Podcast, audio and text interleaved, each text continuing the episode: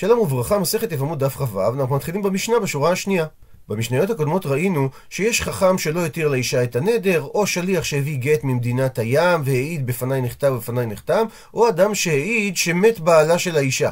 ועל כולם אמרנו שאסור להם לכנוס את האישה.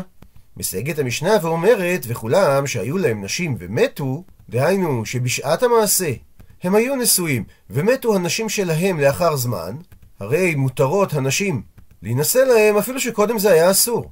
שהרי עכשיו אין שום חשד, שהרי בשעה שהעיד בה העד או שעשרה חכם, אז הייתה אשתו קיימת, וגם בזמנם למרות שהיה היתר של שתי נשים, זה לא היה מקובל. ולכן ברור שמה שהוא עשה, הוא לא עשה כדי לישא את זו. וממשיכה המשנה, וכולן שנישאו לאחרים, ונתגרשו או שנתאלמנו מאותם אחרים, הרי הם מותרות להינשא להם. דהיינו, לחכם ולעד ולמביא הגט, כי גם במקרה הזה, ברגע שהם נישאו לאחרים, אין חשד שהחכם או העד או מביא הגט עשו מה שעשו כדי לשאת אותם לאישה. הוא מסיים את המשנה, וכולן מותרות לבניהם או לאחריהם. של אלו המתירים אותם, שמה שאסרנו אותם לכנוס, זה רק להם לבדם, דהיינו לחכם ולעד ולמביא הגט. הוא מדייק את הגמרא מהשורה הראשונה של המשנה, שאמרה וכולם שהיו להם נשים ומתו, מתו אין, נתגרשו לא. שרק אם מתו אנשים שהיו להם בשעת המעשה אנחנו מתירים את החתונה לאנשים שהם התירו, אבל אם הם התגרשו מהנשים שלהם, אז אנחנו חושדים שעל ידי מה שנתן עיניו בזו שהתיר, גירש את אשתו. אמר לרב הלל לרב אשי, והתניא והרי שנינו בברייתא על המשנה, אפילו נתגרשו, שגם אז מותרות להינשא להם. מתרץ לו רב אשי, לא קשיא, הא דהווי קטטה, הא דלא הווי קטטה. הברייתא שאמרה שאפילו נתגרשו מותר להינשא להם, כגון שכבר הייתה קטטה לפני שהוא גרם להיתר של האישה להינשא, כך שברור שסיבת הגירושין זה לא כדי להתחתן איתה, ועדיין לא נתן דעתו על זאת, כאשר פרצה הקטטה בינו לבין אשתו. מה שאין כן, הדיוק מהמשנה שאם נתגרשו, שהן לא מותרות להינשא להם, ששם מדובר שהיה שלום בית ולא הייתה קטטה בינו לבין אשתו בשעה שהתיר את אותה אישה, ממילא קיים החשד שעל ידי שנתן את עיניו בזו שהתיר, זה הסיבה לקטטה שבסופה הוא גירש את אשתו. תשובה שנייה, והיא בהיתימה, ואם תרצה תאמר הא והא דלא הווי קטטה. גם הברייתא וגם המשנה מדברות שלא הייתה קטטה. ולא קשיא, הא דארגיל הוא, הא דארגילה היא. השאלה הידועה, מי התחיל? שהדיוק מהמשנה שאם נתגרשו אסור להתחתן איתם, זה מדובר שהוא התחיל את הקטטה, ואז קיים החשד שעל ידי שנתן את עיניו בזו שהתיר, הוא התחיל להקנית את אשתו כדי בסופו של דבר לגרש אותה. לעומת זאת, הברייתא שאומרת אפילו נתגרשו, שמותר לו לשאת את האישה, מדובר שהאישה שלו התחילה את הקטטה, וזה סימן מבחינתנו שלא הוא היוזם את הגירושין. ציטוט מהמשנה, וכולן שנישאו לאחרים, וכולי. אומרת הגמרא, כעס על כדעתך, היה עולה על דעתך לומר מיתה אמיתה וגירושין הגירושין. הוא מסביר רש"י שהיינו חושבים לומר שמה שאמרה המשנה וכולן שנישאו לאחרים ומתו, שהן מותרות להתחתן עם מי שהתיר אותם, זה הולך גם על המקרה של העד שאמר מת הבעל או הרגתיו או הרגנו, שאז אמרה המשנה לא יישא את אשתו. שבאה המשנה לסייג ולומר שאם היא נישאה לאחר על פיו ומת השני, הרי היא מותרת להינשא לעד הזה. ואף על פי שמתו שתי בעליה, מותר לה להינשא לשלישי, ואנחנו לא אומרים שהיא הוחזקה כאישה קטלנית, שמי שמתחתן איתה מת.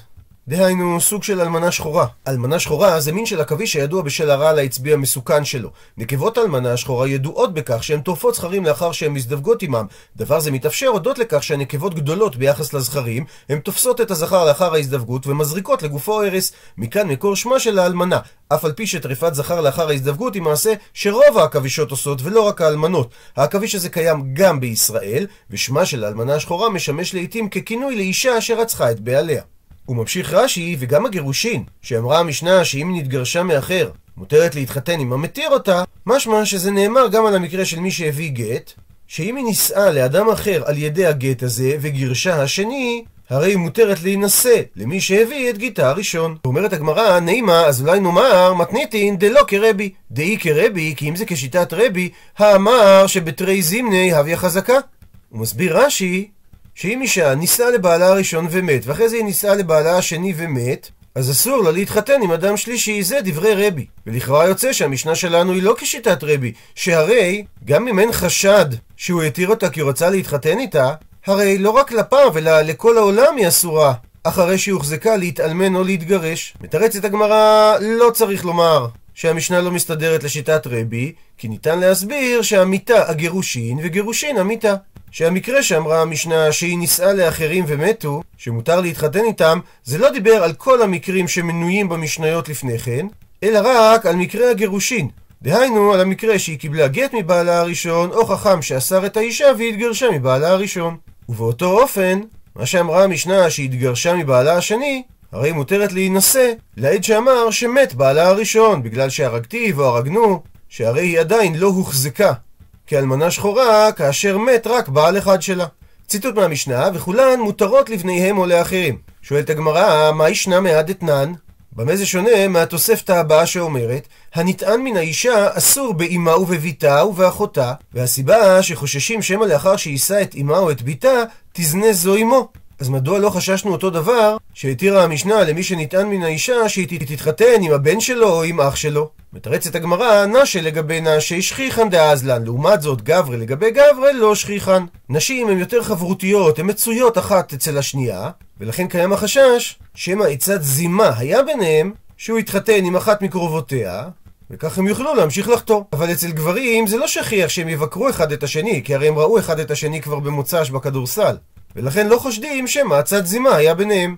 כי מזה שהיא תתחתן עם בנו או עם אחיו, זה לא יגרום שהוא יהיה רגיל אצלה. נמי, או גם, אפשר לומר תשובה אחרת, נשי דלא אסרן שכיבתנא הדדי לא קפ דיה הדדי, לעומת זאת גברי דאסרן שכיבתנא הדדי קפ דיה הדדי. הוא מסביר רש"י, שכאשר אותו נטען יתחתן עם קרובתה של האישה שעליה הוא נטען, הרי גם אם הוא ימשיך לחטוא בשכיבת זנות עם אותה אישה שעכשיו היא קרובה אצל אשתו, אשתו לא נאסרת על ידי הדבר הזה, ולכן אשתו לא תקפיד על זה ותשתוק. מה שאין כן, אם היא התחתנה עם בנו או עם אחיו, הרי על ידי שהוא ישכב איתה שכיבת זנות, הוא אוסר אותה על בעלה. ולכן אין חשש שהם ימשיכו לחטוא, כי אם הבעל שלה יראה שקיים איזשהו סיפור פה, הרי הוא ידאג להרחיק אותה ממנו. מקשה הגמרא, אי הכי אם כך, אביו נמי. שאם אתה אומר שבגברי לא הישינה לזנות, אז מדוע אמרה המשנה שמותר לאותה אישה להתחתן עם הבנים או עם האחים, והיא לא אמרה גם עם האבות? מתרצת הגמרא לא מבעיה כאמר. המשנה מדברת בצורה של לא צריך לומר. דהיינו, לא מבעיה אביו של המתיר, שוודאי שמותר לה להתחתן איתו, ואנחנו לא חוששים שמא יזנה המתיר עמה. משום דבזיז בני מיני. שבושו מאביו ואימתו עליו. ולכן זה מקרה פשוט שאותו המשנה לא הייתה צריכה לומר. אבל במקרה שהיא התחתנה עם בנו, שאולי הייתי אומר דלא בזיז מיני, שאביו שיש חשש שהוא לא מתבייש מהבן שלו, אז אולי הוא יחטא איתה, ולכן אימה לא, תאמר שאסור לה להתחתן עם הבן שלו, כמה שמלן, באה המשנה ומשמיעה לנו שאין לחשוש לדבר ולכן מותר לה להינשא אפילו לבנו. בשעה טובה הדרן הלך פרק כיצד אשת אחיו, ואנחנו מתחילים את פרק שני. אומרת המשנה, ארבעה אחים, שניים מהם נשואים שתי אחיות ומתו הנשואים את האחיות, הרי אלו חולצות ולא מתייבמות. ואם קדמו האחים וכנסו אותם, הרי יוציאו. רבי אליעזר אומר שיש מחלוקת בדבר. בית שמאי אומרים יקיים, ובית הלל אומרים יוציאו. נעזר באיורים של עטרת צבי, יש ארבעה אחים, ראובן, שמעון, לוי ויהודה. ראובן ושמעון התחתנו עם זוג אחיות רחל ולאה בהתאמה, וכאשר ראובן ושמעון מתו, הרי כל אחת משתי האחיות נופלת לפני גם לוי וגם יהודה. ומכיוון שכל אחת מהן היא גם אחות זקוקה של האישה השנייה, הדין לפי רבנן שהן חולצות ולא מתייבמות. שכיוון ששתי הנשים זקוקות גם לאח הזה וגם לאח הזה, אז האח הראשון שמייבם בעצם פוגע באחות זקוקתו שנחשבת כאשתו. וממשיכה המשנה.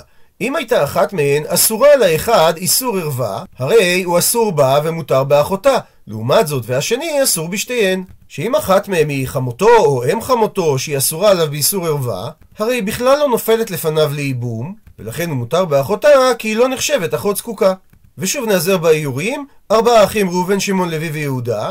ראובן ושמעון התחתנו עם זוג אחיות רחל ולאה, כאשר לרחל יש בת מנישואים קודמים, שאיתה התחתן לוי. אז כאשר ראובן ושמעון מתים, הרי רחל, שהיא חמותו של לוי, לא נופלת לפניו לייבום, ולכן הוא יכול לייבם את לאה אחותה. מה שאין כן יהודה, שלא יכול לייבם לא את רחל ולא את לאה, כי כל אחת מהם היא אחות זקוקתו. וממשיכה המשנה, שאם הייתה אחת מהם אסורה באיסור מצווה ואיסור קדושה על אחד מהאחים, מה שאומר שמדאורייתא היא כן נופלת לפניו לייבום, וממילא הוא אסור באחותה משום אחות זקוקה. אז במקרה כזה, אחותה חולצת ולא מתייבמת. והמקרה האחרון במשנה, הייתה אחת מהם אסורה על זה איסור ערווה, והשנייה אסורה על זה איסור ערווה, הרי האסורה לזה מותרת לזה, והאסורה לזה מותרת לזה, וזוהי שאמרו, אחותה כשהיא הבימתה, או חולצת או מתייבמת. כי במקרה כזה היא לא נחשבת אחות זקוקתו, שהרי אחותה באיסור ערווה כלפיו, וממילא היא לא נופלת לפניו לייבום. ושוב נעזר באיורים. ארבעה אחים, ראובן, שמעון, לוי ויהודה, שמעון ולוי התחתנו עם זוג אחיות רחל ולאה, כשלכל אחד יש בת מנישואים קודמים, ולוי ויהודה התחתנו עם אותם בנות. כאשר ראובן ושמעון מתים, הרי חמותו של לוי לא נופלת לפניו לייבום, ולכן הוא יכול או לייבם או לחלוץ לאחותה. ואותו דבר, חמותו של יהודה לא נופלת לפניו לייבום, ולכן הוא יכול או לייבם או לחלוץ לאחותה. הוא מביא רש"י מחלוקת ממסכת נדרים, שנחלקו שיש מי שאומר שמי שזקוקה לייבום של אדם היא כבר נחשבת כאשתו והוא יכול להפר את נדריה והוא יהיה אסור בקרובותיה, ויש מי שאומר שאין זיקה. זאת אומרת שהקשר בין היבם לבין זקוקתו הוא לא כל כך חזק שהוא יפר את נדריה ויהיה נאסר בקרובותיה. ובדף י"ז ראינו שנחלקו בדבר רב הונא ורב יהודה. ואומרת הגמרא, שמע מינה, מהמקרה הראשון של המשנה, שיש זיקה. כלומר, שהזיקה בין היבם לבין זקוקתו היא מספיק חמורה, כך שאחות זקוקתו תוגדר כאחות אשתו.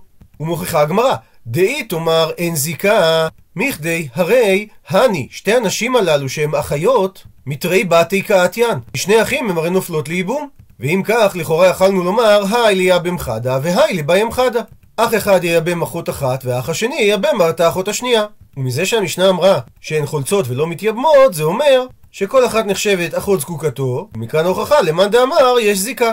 דוחה הגמרא ואומרת, לעולם אימא לך, אני יכול לומר שהמשנה מסתדרת גם לפי מי שאומר אין זיקה.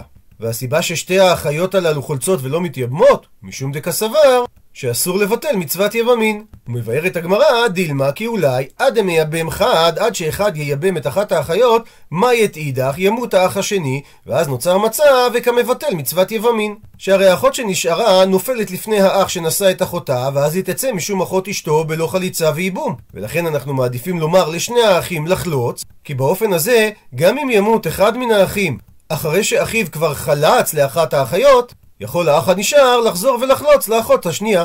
מקשה הגמרא אי הכי תלתא נמי. אם כך, מדוע המשנה לא דיברה על מקרה שבו יש שלושה אחים? ולמה היא נקטה דווקא מקרה שבו יש ארבעה אחים? שהרי, נוח לי להבין לפי מי שאומר יש זיקה, אז במקרה של ארבעה אחים יש חידוש, שאפילו שנשארו שני אחים. ולא אומרים שעדיפה זיקתו של אחד האחים כלפי אחת האחיות והוא יכול לייבם אותה כאחות השנייה המוטלת לייבום לפני האח השני, ובכל זאת חידשה המשנה שהם אסורים בייבום בגלל שכל אחת מהאחיות נחשבת אחות זקוקתו, אז ברור למה לא צריך להשמיע את המקרה שיש רק שלושה אחים, ששניים מהם נשואים שתי אחיות ומתו ונפלו שתי האחיות לפני האח השלישי, שוודאי שתיהן אסורות עליו, שהרי רק עליו מותר לייבם אותם, וממילא אם הוא מייבם אחת הוא ודאי פוגע באחות זקוקתו.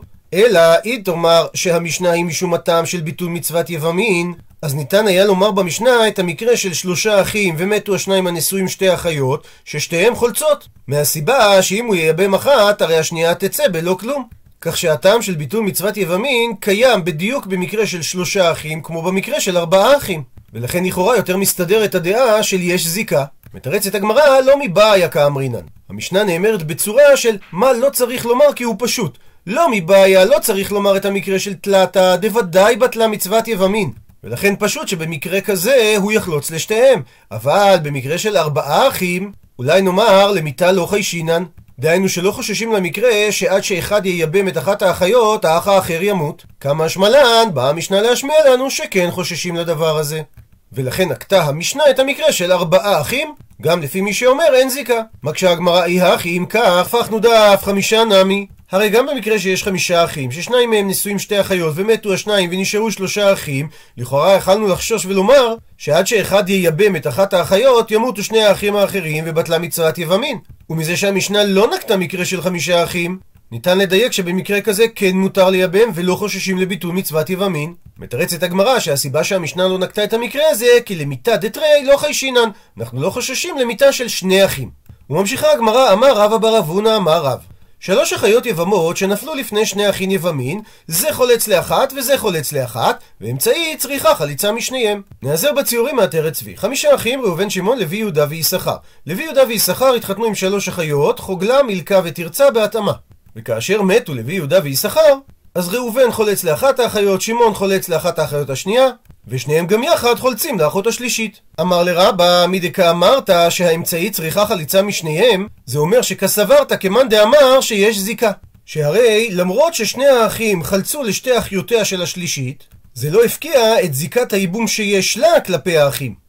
אבל החליצה שהם עושים לאחות השלישית, הביא לה חליצה פסולה, כלומר חליצה גרועה, שהרי אם היו רוצים לייבם אותה, הם לא יכולים, כי הרי זה אחות חלוצתו. אז במקרה כזה, אנחנו לא אומרים שהחליצה והייבום זה שני צדדים של אותה מטבע, כי ניתן רק לחלוץ ולא לייבם, ולכן זה לא נחשב לחליצה מעולה, אלא לחליצה פסולה. והמילה פסולה זה רק במשמעות של גרועה. אבל אם כך, וחליצה פסולה, הרי צריך לחזור על כל האחים. שהרי אם אתה אומר שיש לה זיקה כלפי כל אחד מהאחים, לא מועילה חליצה גרועה מאחד האחים להפקיע את הזיקה שיש לה מהאח השני. ולכן מוכח מזה שאמרת שהאמצעי צריכה חליצה משניהם, שזה לפי מי שאומר יש זיקה. אבל היא אחי, אם כך ממשיך רבא ושואל, הרי קמאי נמי, גם במקרה של השתיים הראשונות, הן צריכות חליצה משני האחים, שהרי גם שם החליצה שלהם היא לא חליצה מעולה, שהרי לא ניתן לייבם אותם, הואיל ויש זיקה. עונה על כך רבה בר רב הונא, אי דנפול בבת אחת, הכי נמי. כלומר, אם באו לחלוץ בבת אחת, שלא הספיקה הראשונה לחלוץ עד שנפלה גם השנייה והשלישית לייבום, אז אכן אתה צודק שכולם צריכות לחזור אחר כל האחים שיחלצו להם. לא צריכא, לא אמר רב את דבריו, אלא במקרה דנפול בזו אחר זו, שכאשר נפלה חדא האחות אחת לייבום, חלץ לה ראובן, והחליצה הזאת כשרה לחלוטין, שהרי אם רצה ראובן יכול היה לייבם אותה. ואחר כך נפלה אידך, האחות השנייה, ואז חלץ לה שמעון. וגם החליצה הזו כשרה לחלוטין, שהרי אם רצה שמעון יכול היה לייבם אותה, כי אין כאן בעיה של אחות זקוקה, שהרי אחותה הראשונה כבר עברה חליצה לפני שהיא נפלה לפניו לייבום. וכאשר נפלה אידך, האחות השלישית, הרי לא ניתן לייבם אותה, כי היא אחות חלוצת שניהם. מצד שני, בלא כלום, היא גם לא יכולה לצאת לשוק, שהרי היא אחות חלוצה, שהיא אינה אסורה עליהם אלא מדברי סופרים. ולכן חלץ להי, אח אחד חולץ, מפקא זיקתו, ובזה הוא מפקיע את זיקת הייבום שיש ביניהם, ואפילו שהחליצה הזאת לא נחשבת חליצה מעולה, שהרי אמרנו שאם הוא חפץ הוא לא יכול לייבם אותה. כך שנוצר מצב שחליצתו וזיקתו בעצם שוות זו לזו, ועל ידי החליצה הוא מפקיע את זיקתו. ובאותו אופן חלץ להי, האח השני חולץ לה, ובכך מפקע זיקתו. מקשה הגמרא, והאמר רב אין זיקה. הרי בדף י"ז רב הונא מביא את דברי רב שאומר, שומרת יבם שמתה לפני שעברה ייבום ובחליצה, מותר היה בם באימה. וזה לפי הדעה שסוברת שאין זיקה. אז מדוע הצריך רב, במקרה של השלוש אחיות יבמות שנפלו לפני שני אחים יבמין, שיחלצו שני אחים לאמצעית? מתרצת הגמרא, לדברי האומר יש זיקה כאמר. שרב עצמו אכן סובר שאין זיקה, ואת הצורך ששני האחים יחלצו לשלישית, הוא אמר רק לפי מאן דאמר יש זיקה. עד לכאן דף כ"ו.